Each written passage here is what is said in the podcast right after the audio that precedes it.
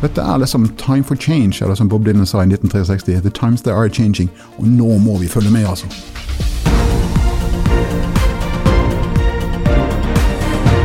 Dette er All In med Oslo Business Forum. Det som har skjedd med hver og en av oss under pandemien, er vanskelig å beskrive. Det som har skjedd med organisasjonene og arbeidslivet, er antageligvis enklere å beskrive gjennom observasjon og analyser av forskjellige data. Det er forskerens jobb. Stille hypoteser, innhente informasjon, analysere, diskutere for og imot, sammenligne med andre funn og hypoteser, og til slutt konkludere. Nå er det ikke bare forskere som mener noe om hva som har skjedd, hvor flinke vi har vært til å koble oss opp på Teams, hvordan vi har endret samhandling og samarbeid uten å reise på kryss og tvers av landet og jordkloden før pandemien. Vi har vært tilpasningsdyktige og innovative. Men vet forskeren mer enn meg og deg? Vi har fått med oss to av landets ledende forskere innen innovasjon og forretningsutvikling til å snakke om nettopp innovasjon under pandemien. Hva har skjedd? Hva har overrasket, og om noe ikke overrasket mine to gjester. Jeg er selv også over gjennomsnittlig interessert i temaet innovasjon, da jeg gjennom mange år var ansvarlig for entreprenørskapsutdanningen på BI, og var en del av innovasjons- og entreprenørskapsmiljøet. Så begge gjestene mine i dag ser jeg på som kolleger, selv om jeg nå jobber i næringslivet som pedagogisk leder i All In. I dag gleder jeg meg til å få påfyll og noen nye tanker, for det gjør jeg alltid når jeg snakker med disse to fine folka. Velkommen til podkasten All In med Oslo Business Forum, en podkast for ledere som er lidenskapelig opptatt av ledelse, innovasjon og strategi.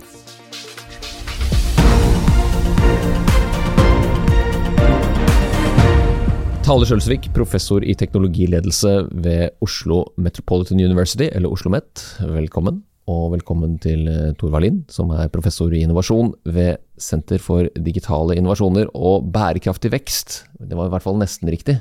DIGG. Digg på kort. Flott. Tale. Under pandemien så har det jo skjedd så mye rart, og ting som har både vært eh, spennende og utfordrende. Fra ditt ståsted, hva er det du har tatt med deg til nå av innovasjoner og samfunnsendringer? Det er et kjempestort spørsmål, mm -hmm. så bare dykke inn i det. Vær så god.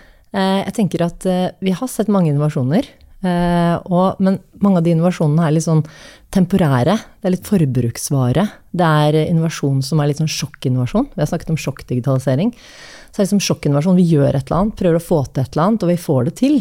Men så kan man på en måte spørre seg om varigheten av det, og hvordan vi kan bruke det framover.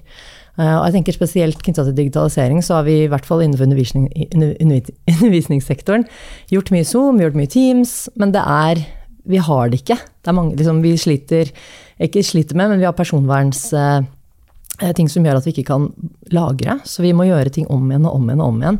Så jeg tenker det har vært innovasjon, men litt kortsiktig innovasjon. Så jeg venter på en måte på den der investeringsinnovasjonen som gjør at vi får en samfunnstransformasjon basert på det som har skjedd. Og hva er det? Investeringsinnovasjon, tallet? Kanskje det var et nytt begrep? Ja, det var det. Ja, men det er noe med at vi, vi jeg tenker at vi har hatt litt sånn reaktiv innovasjonsevne nå. Og jeg tror i hvert fall innenfor vår sektor, undervisningssektoren, så må vi investere en del i digitale løsninger og i digitale læringsløp, i, i utvikling av kompetanse på digital pedagogikk. Så jeg har sittet i den arbeidsgruppa som har jobba med en digitaliseringsstrategi for eh, UH-sektoren, altså universitets- og høyskolesektoren, og vi møttes første gang 11. mars. Da hadde vi en diskusjon rundt om denne pandemien kom denne til å virke inn på den strategien. Dagen nei, det, før lockdown? Ja, nei, jeg tror ikke det er noe sånn. Da hadde vi liksom vårt første hybride arbeidsmøte. Jeg har faktisk aldri møtt personer personlig noen av, det, noen av, de personene jeg sitter i den gruppa sammen med. Og det sier kanskje litt liksom hvor vi har vært hen. Eh, men vi så at det hadde ekstremt stor innvirkning. Men vi har i det arbeidet også diskutert mye hva er egentlig digital pedagogikk. Altså, eh, kanskje ikke det er et godt begrep, for jeg tenker at det er faktisk pedagogikk fremover. Og hvordan ser det ut, hvordan ser de læringsløpene ut? Og jeg tror ikke de ser ut som Zoom-forelesninger. Jeg tror ikke det det er masse verdi i Zoom-forelesninger og i Teams-møter og sånn, men kanskje vi kan tenke nye måter eh, å gjøre ting på, som er mye mer verdiskapende, for det er det innovasjon handler om. Det skal, veldig bra, det skal vi komme tilbake til. Du har også erfaringer med dette, Tor? Innenfor pedagogikken så er det åpenbart altså vi har opplevd det samme. altså si at Det som taler har opplevd, er det samme som vi har opplevd. altså Det, eh, det du ikke sa, da, men som du mente, det er at vi har vært så lite innovative som vi kan. Vi setter jo bare strøm på de fysiske forelesningene. ikke sant? Altså da gjorde det egentlig det samme som vi kritiserte mediebransjen for å gjort i alle disse årene. Så vi har ikke vært noe læring, og det er egentlig litt problematisk i seg selv. altså da.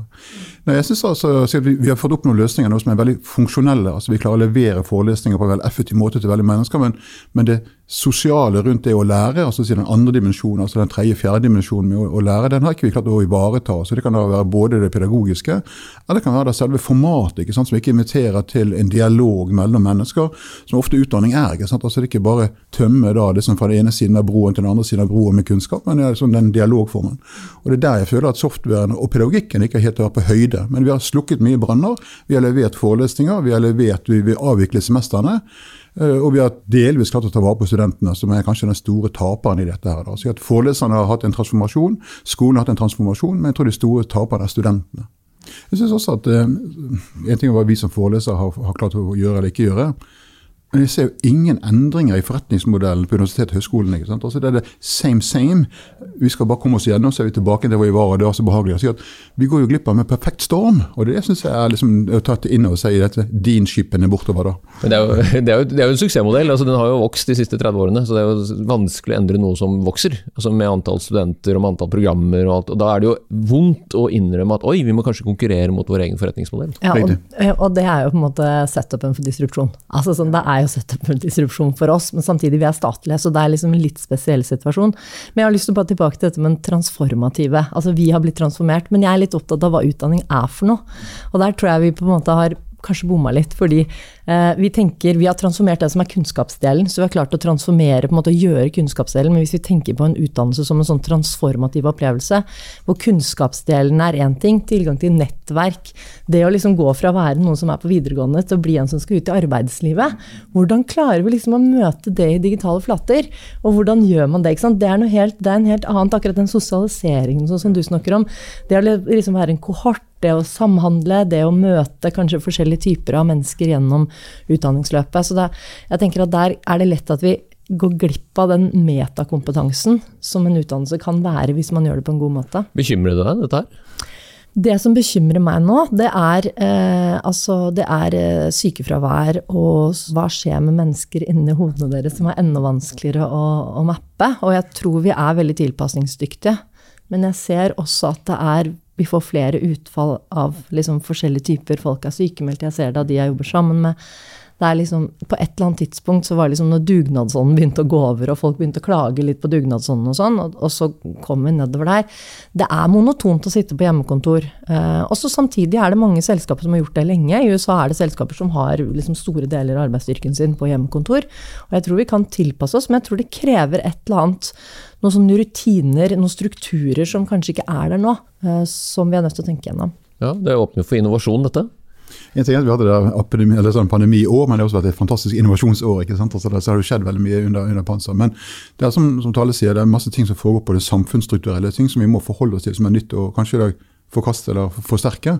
Men vi må liksom nå være veldig åpne for læring, altså komme oss videre ved å bruke teknologien. ikke sant? Og Så er det også noen underliggende ting som da utfordrer oss i ja, alt fra undervisning, det å være student, til liksom da, å, å ut, utvikle fagområder, altså det økonomisk-administrative fagområdet. ikke sant? Altså, hva vil det si å lede virksomheter hvor du har mennesker på hjemmekontor i stadig større omfang? ikke sant? Altså da, hvis også da liksom blant de ansatte de i stadig større, større grad nå ønsker å ha arbeidsgivere som gjør det mulig for dem å jobbe hjemme da, på en to eller tre dager i uken. Ikke permanent. Så det er kommet noe inn som vil utfordre hele måten vi har undervist ledelse på, f.eks. Eller hele det med, med, omgang med kunder som du ikke kan møtes. altså Hele konsulentbransjen som driver da ja, avstandsforelskelse, nær sagt. altså da, Hvor de skal prøve da å, å, gjøre gode ting for bedrifter som de ikke kan møtes. Og i helt andre kontekster. ikke sant? Altså da, si at jeg tror veldig mye at det er en genuin måte for økonomifaget også å utvikle seg. altså si Når de nettopp ikke kan være sammen, eller vil være sammen. og Da må vi finne andre løsninger som da vi ikke har sett på før. Så at Digitale økosystemer for eksempel, har blitt et sånn buzzword som da konsulentene snakker mye om, men de vet lite om. Mm. men er det ikke sånn, da? Det blir jo som en slags sverm.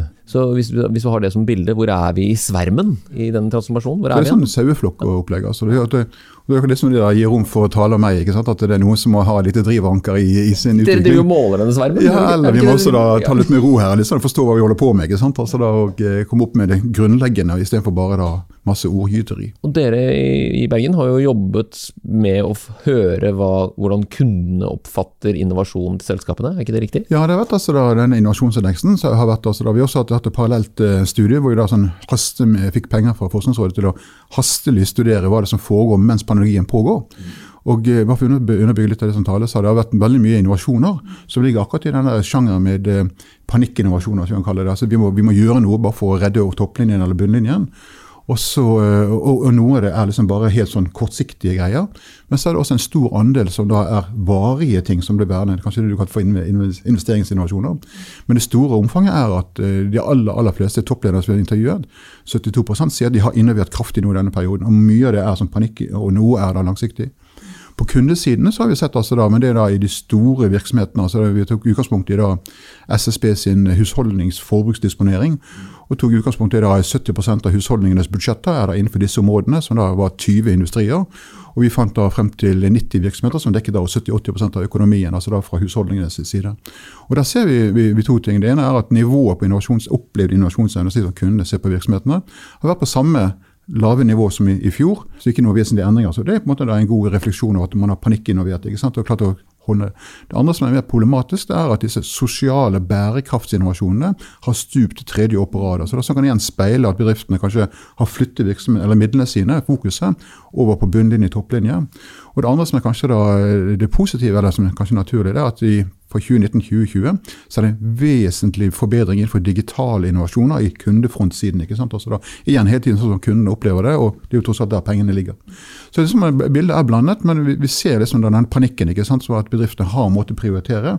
Og så har de da liksom valgt eh, disse sosiale bærekraft, som nå kommer opp med full tyngde som en tsunami. ikke sant, altså da, Så de må forholde seg til på, på en annen måte. Så at dette er liksom time for change, eller som Bob Dylan sa i 1963. The times they are changing. Og nå må vi følge med, altså. Nå må vi følge med, både som forskere og som ledere. Og jeg føler det ligger et vanvittig ansvar på tale meg. altså det med Å hjelpe lederne nå i denne dødsskyggens dal. Hvordan kan vi komme oss gjennom dette på en fornuftig måte? Vi må ut på andre siden. Og Da er det ikke sånne apper som forteller hvor det billigste ølet på Grünerløkka er. altså. Det er ikke det som er kult. Nå handler det om å få de store virksomhetene til å ikke nedskalere og si opp mennesker. Holde folk i arbeid. Det handler om å komme opp med nye virksomheter som kan skaleres ikke selges til Google eller Facebook, men skaleres og sysselsetter mennesker. Det er det store bildet. Så disse kule appene, det er ikke så kult altså fra et samfunnsøkonomisk perspektiv. Vi skal snakke om en kul app litt senere, men jeg må også spørre deg, Tale. Når du hører Tor snakke her om indekseringen og, og finne ut av dette, hva som skjer i denne skyen eller svermen, mm.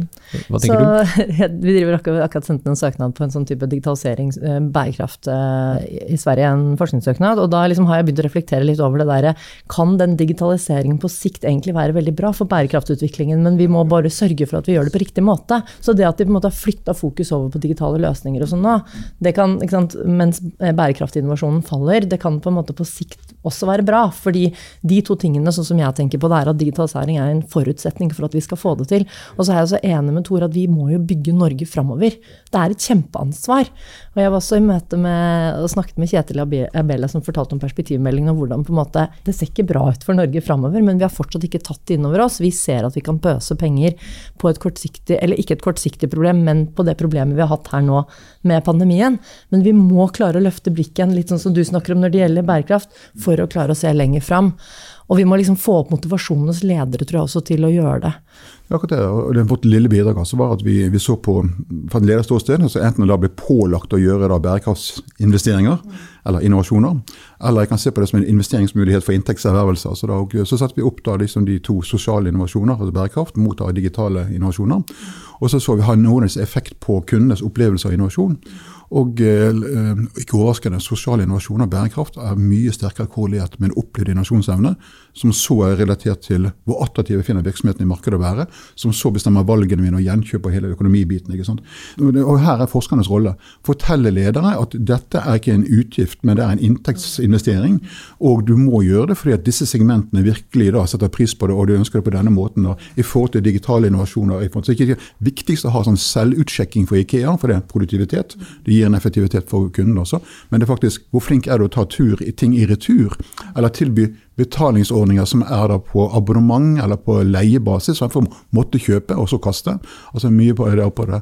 Mitt favoritteksempel er jo Stormberg. Jeg er mer og mer glad i de. Altså, det sånn, eh, og jeg heier på de. Altså, og De var jo også da de, de mest inno, sosiale området. da. Så De har da bygget inn slik sånn panteordninger. Det er jo enkle løsninger. Men bare det at du tar da skjorten eller buksen eller jakken tilbake, så får du enten rabatt. eller avslag på neste produkt. ikke sant? Eller Ikea tar tilbake en gamle billig bokhyllen din og prøver å selge den for deg. ikke sant? Og, og, og, sånn kommisjon. og jeg synes Dette begynner å smake en god ting.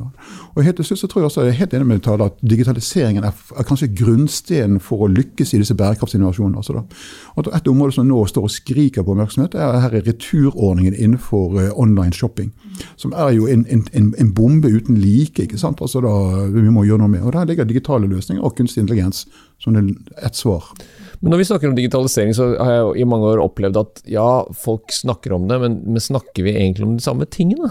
Snakker vi litt så forbi hverandre, og er det plattformer plutselig, eller er det ikke-proprietære løsninger? Hva, hva er, hva, mangler vi noe kunnskap her? Ja, ja, ja det, det, mener jeg. Ja, Men akkurat defineringen av hva det er for noe, hvordan man kan se på det på forskjellige nivåer. Kan du hjelpe meg med det òg? Ja, kan hjelpe meg med det. Altså, jeg snakker ofte om tre nivåer. Digisering, som er på en måte å putte det analoge over det digitale. Digital automasjon, hvor det liksom effektiviserer litt det som Tore snakket om. Og så har du på en måte den digitale innovasjonen og verdiskaping, kanskje, hvor du tenker dette gjør vi på helt nye måter. En del plattformer kan bidra på en måte på det øverste nivået. Og det er?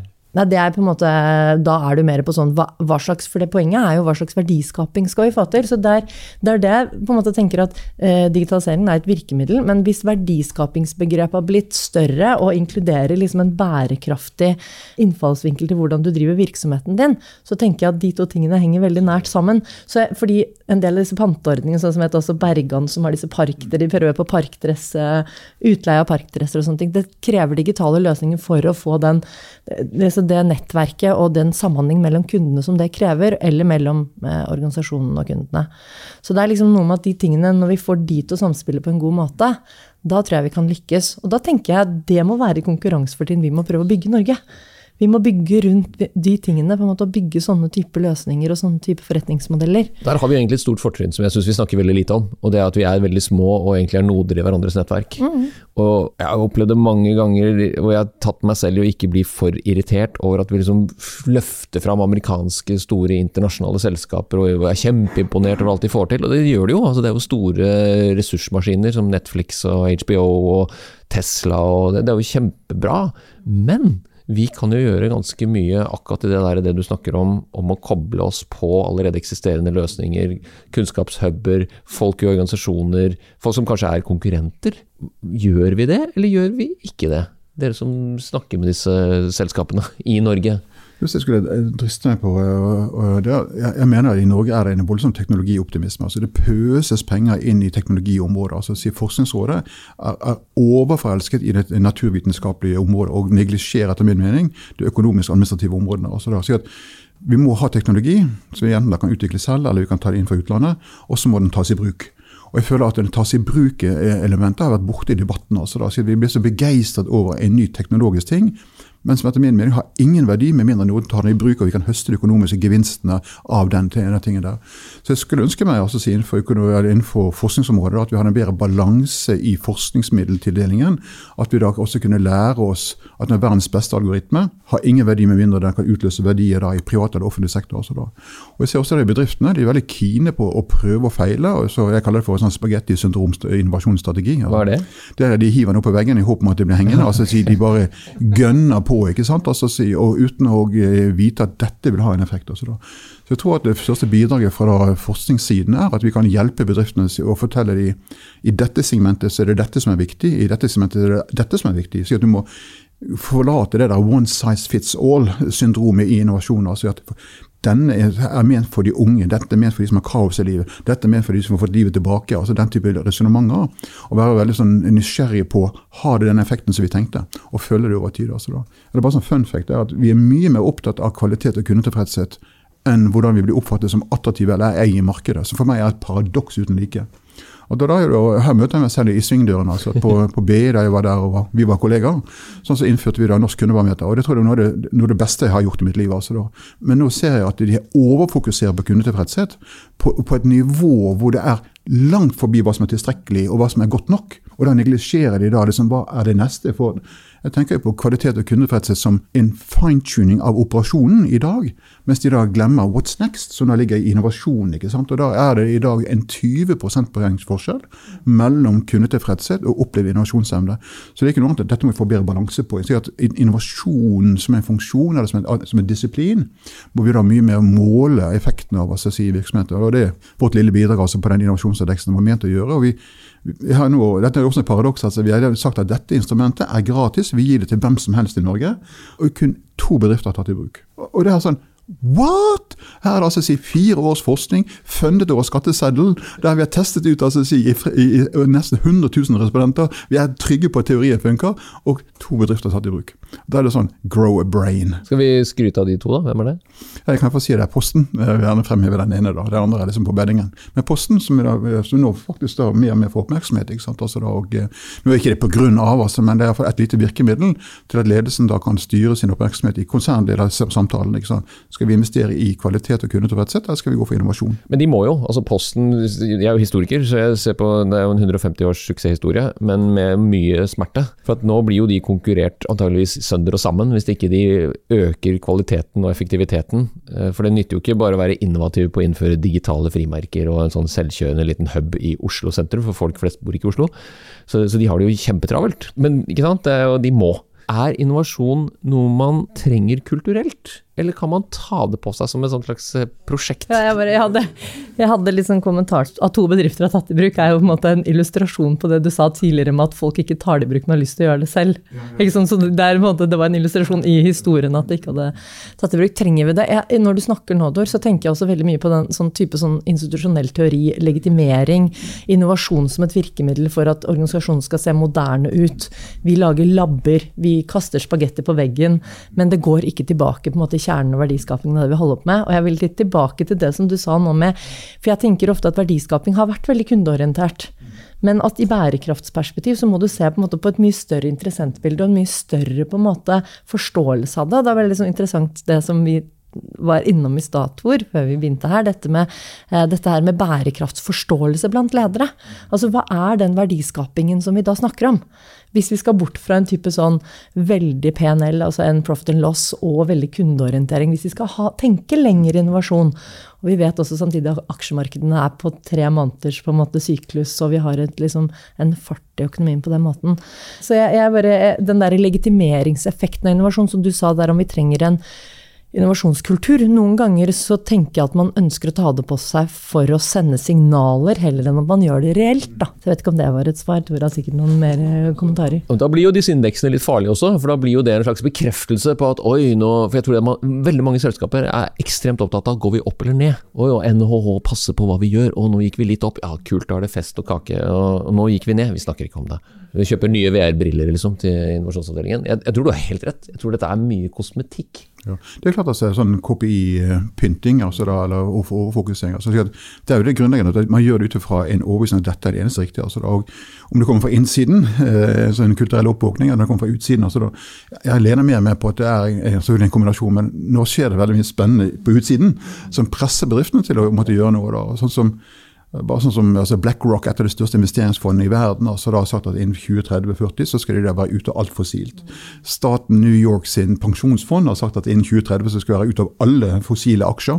At, og, eh, og så, videre. så kommer det nå en ny EU-direktiv som blir implementert nå 21.3, som da pålegger finansinstitusjonene å redegjøre for sine investeringsvalg i et bærekraftperspektiv. Og det er klart at Hvis du da driver en tobakkssjappe på hjørnet og ikke kan forklare liksom at dette som er bærekraftig, så får du ikke penger til vekst eller finansiering av virksomheten din. Og da er du historie. ikke sant?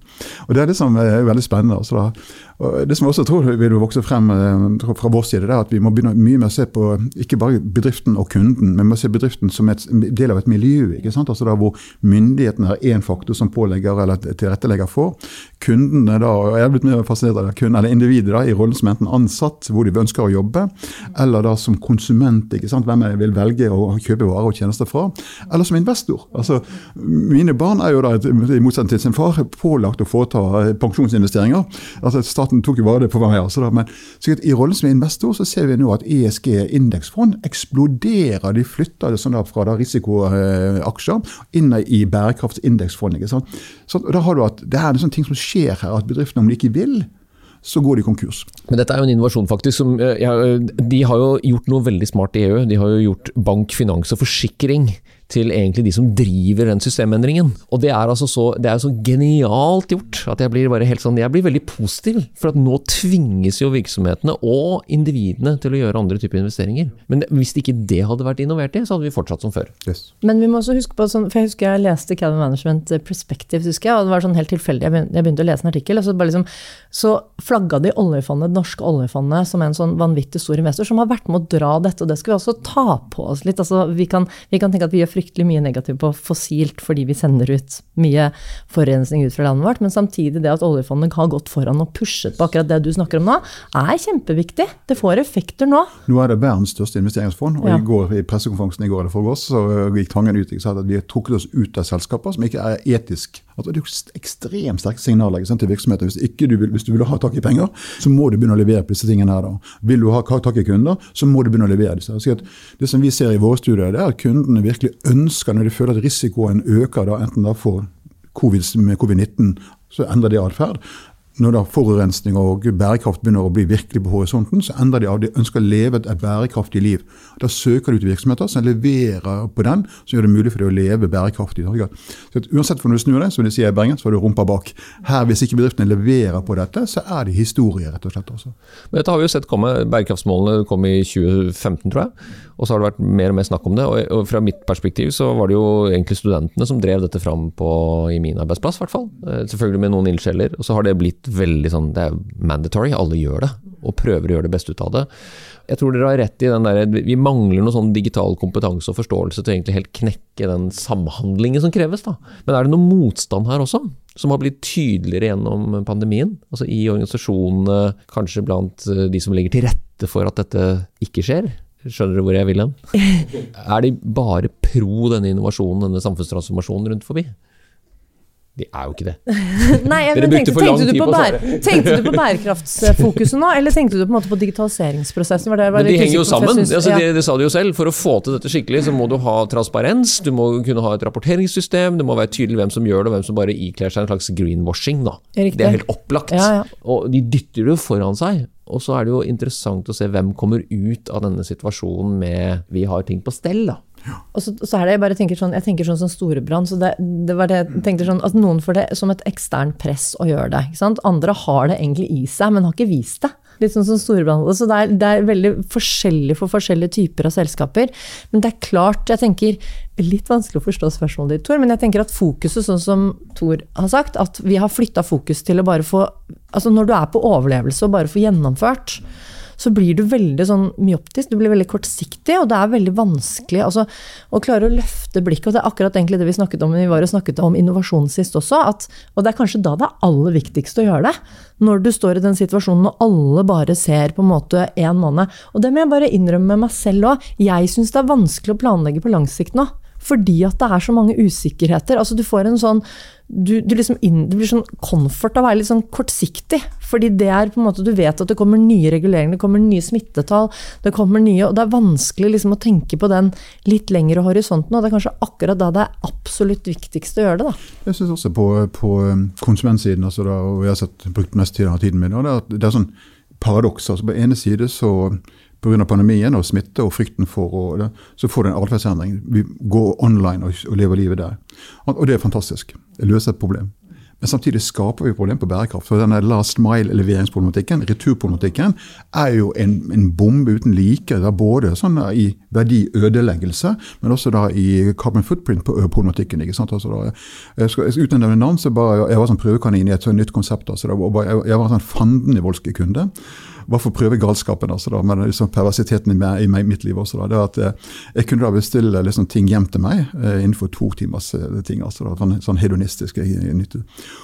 Og på pur faenskap så bestilte jeg da én croissant og ett glass juice. Og på tunet sto det en dieselbil og brumma to timer senere. Altså. At sånne løsninger er jo, altså det er jo en heroinopplevelse ikke sant? Altså, si som konsument, men i et samfunnsperspektiv så er jo det helt forkastelig.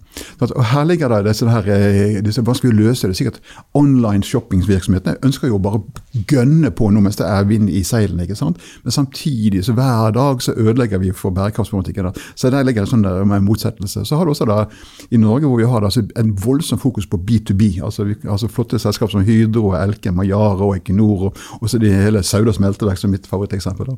Dette er jo da etterkrigshistoriens fantastiske juveler. ikke sant?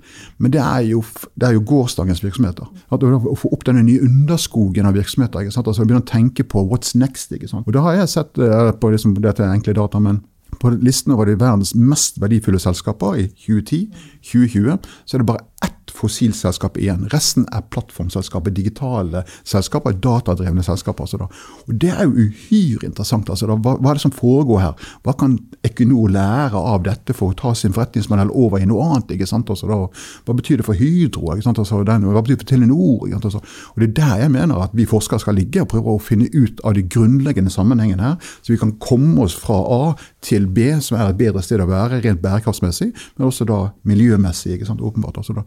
Og Da er det over i mer at strømmen er issue, altså hvor skal vi få strømmen energien fra, fremfor da å tømme jorden for fossil ting som da ja, gjør at solen kommer sjeldnere eller oftere. Jeg må utfordre litt på det. for jeg synes også, så Spørsmålet er jo også om det er, hvis vi tenker transformativt, da, er det liksom riktig at vi skal bruke fryktelig mye ressurser på å transformere disse gamle selskapene over til noe nytt, eller skal vi la Hvis vi hadde tenkt på sånn populasjonsøkologiperspektiv, som vi også har innenfor uh, våre fagområder, hvor vi på en måte snakker om survival og at noen selskaper egentlig bare de må bare dø, rett og slett. Altså de er Men så ønsker vi den transformasjonen. Vi ønsker at vi skal klare å endre oss, vi som universiteter, eller vi som Vi ønsker på en måte at vi skal være den nye neste. Men det er jo ekstremt ressurskrevende å gjøre det også.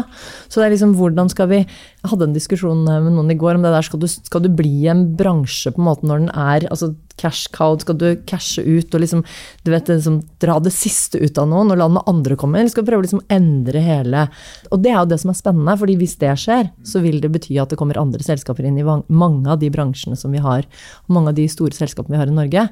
Uh, det er jo ikke ønskelig. Men da må vi også kunne tenke på at vi må posisjonere oss for å kunne være med på de, de typene mm. selskaper.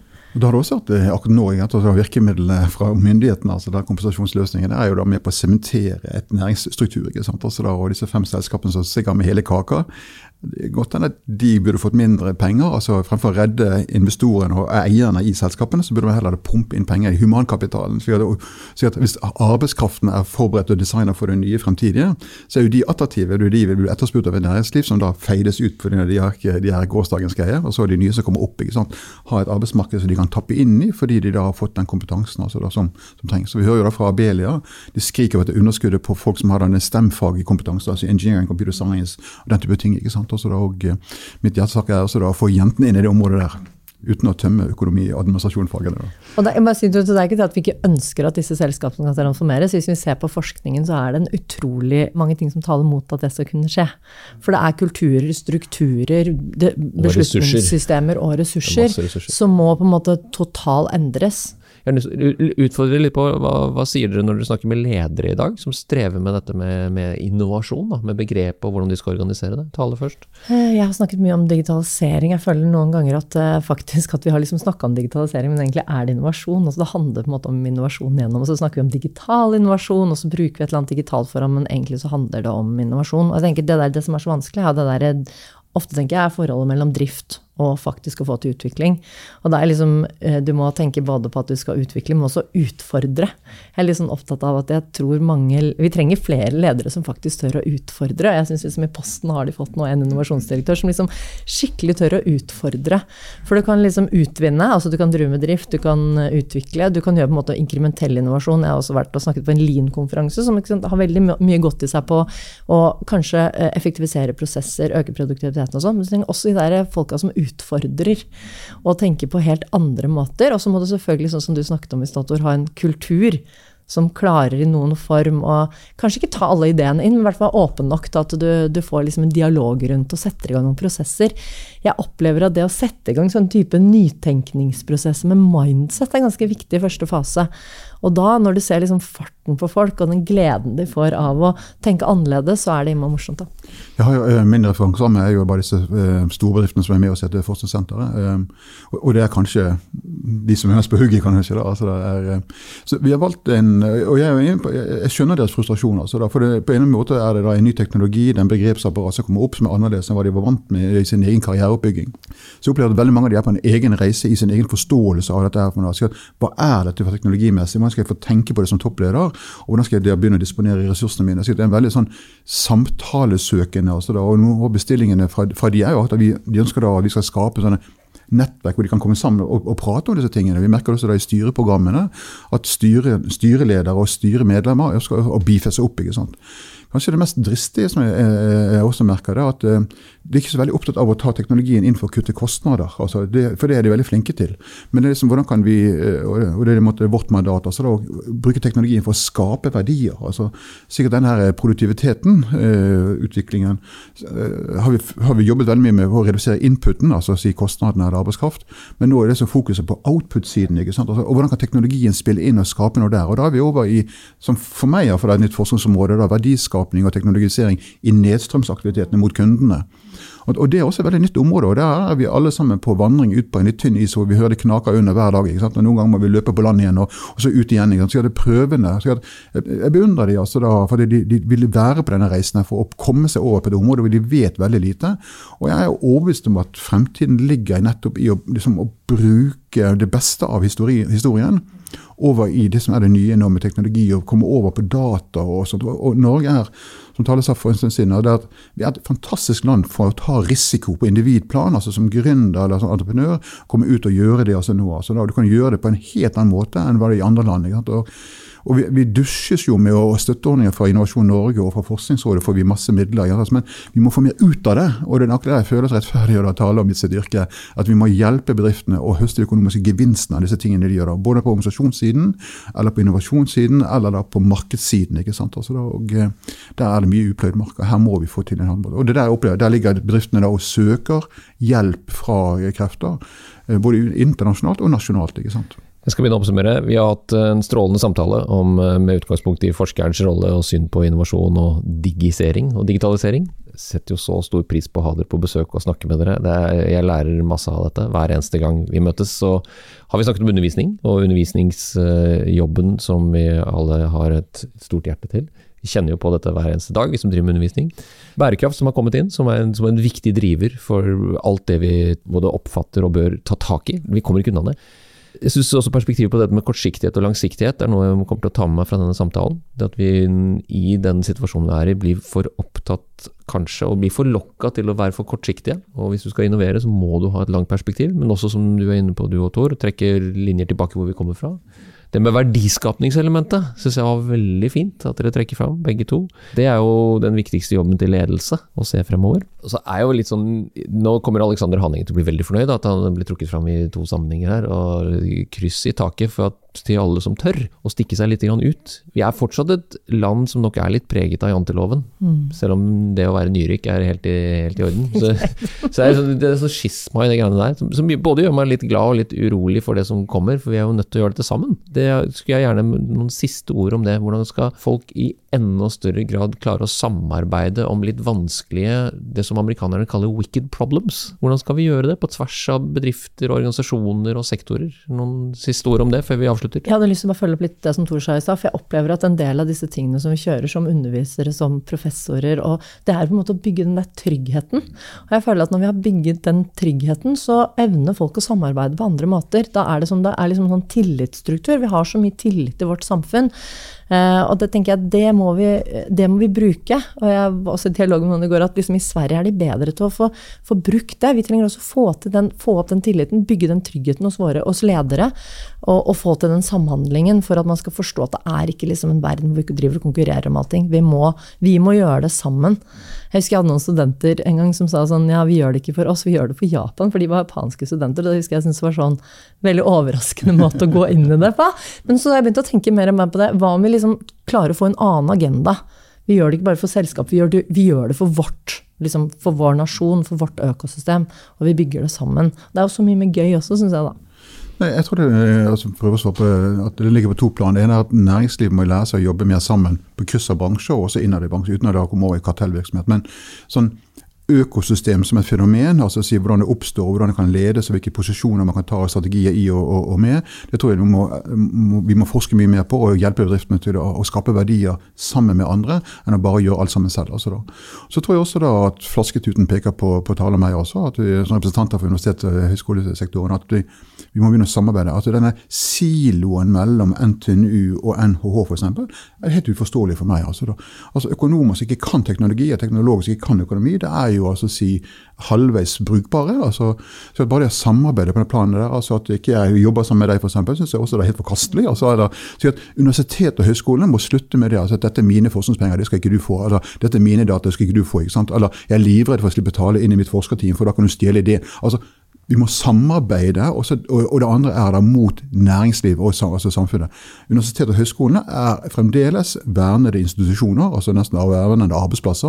og Vi må åpne opp og se på bedriftene vi skal samarbeide med, offentlige virksomheter vi skal samarbeide med, for å utvikle kunnskap sammen. også. Det, er, det tror jeg er for meg iallfall en sånn nordpolstjerne jeg søker mot. Bare en liten kommentar til slutt. for jeg tenkte sånn, Nå snakket jeg veldig mye om Norge, for det er jo veldig viktig å ha en internasjonal dimensjon og se til utlandet hva som skjer rundt oss. Vi må ikke isolere oss. og Det opplever nå i pandemien at det blir mye mer fokus på det lokale. Vi stenger grensene våre. Så man har også en sånn, kanskje en, en, fare med det at man liksom retter seg innover. Vi må holde det blikket utad også, samtidig som vi eh, prøver å få til samhandling nasjonalt. da. Dette var helt strålende. Tusen takk begge to. Og vi da går all in i dette med innovasjon og samfunnstransformasjon. Vi er midt i det, og, og vi møtes igjen, så kan vi ta en ny samtale om hvor vi er en da.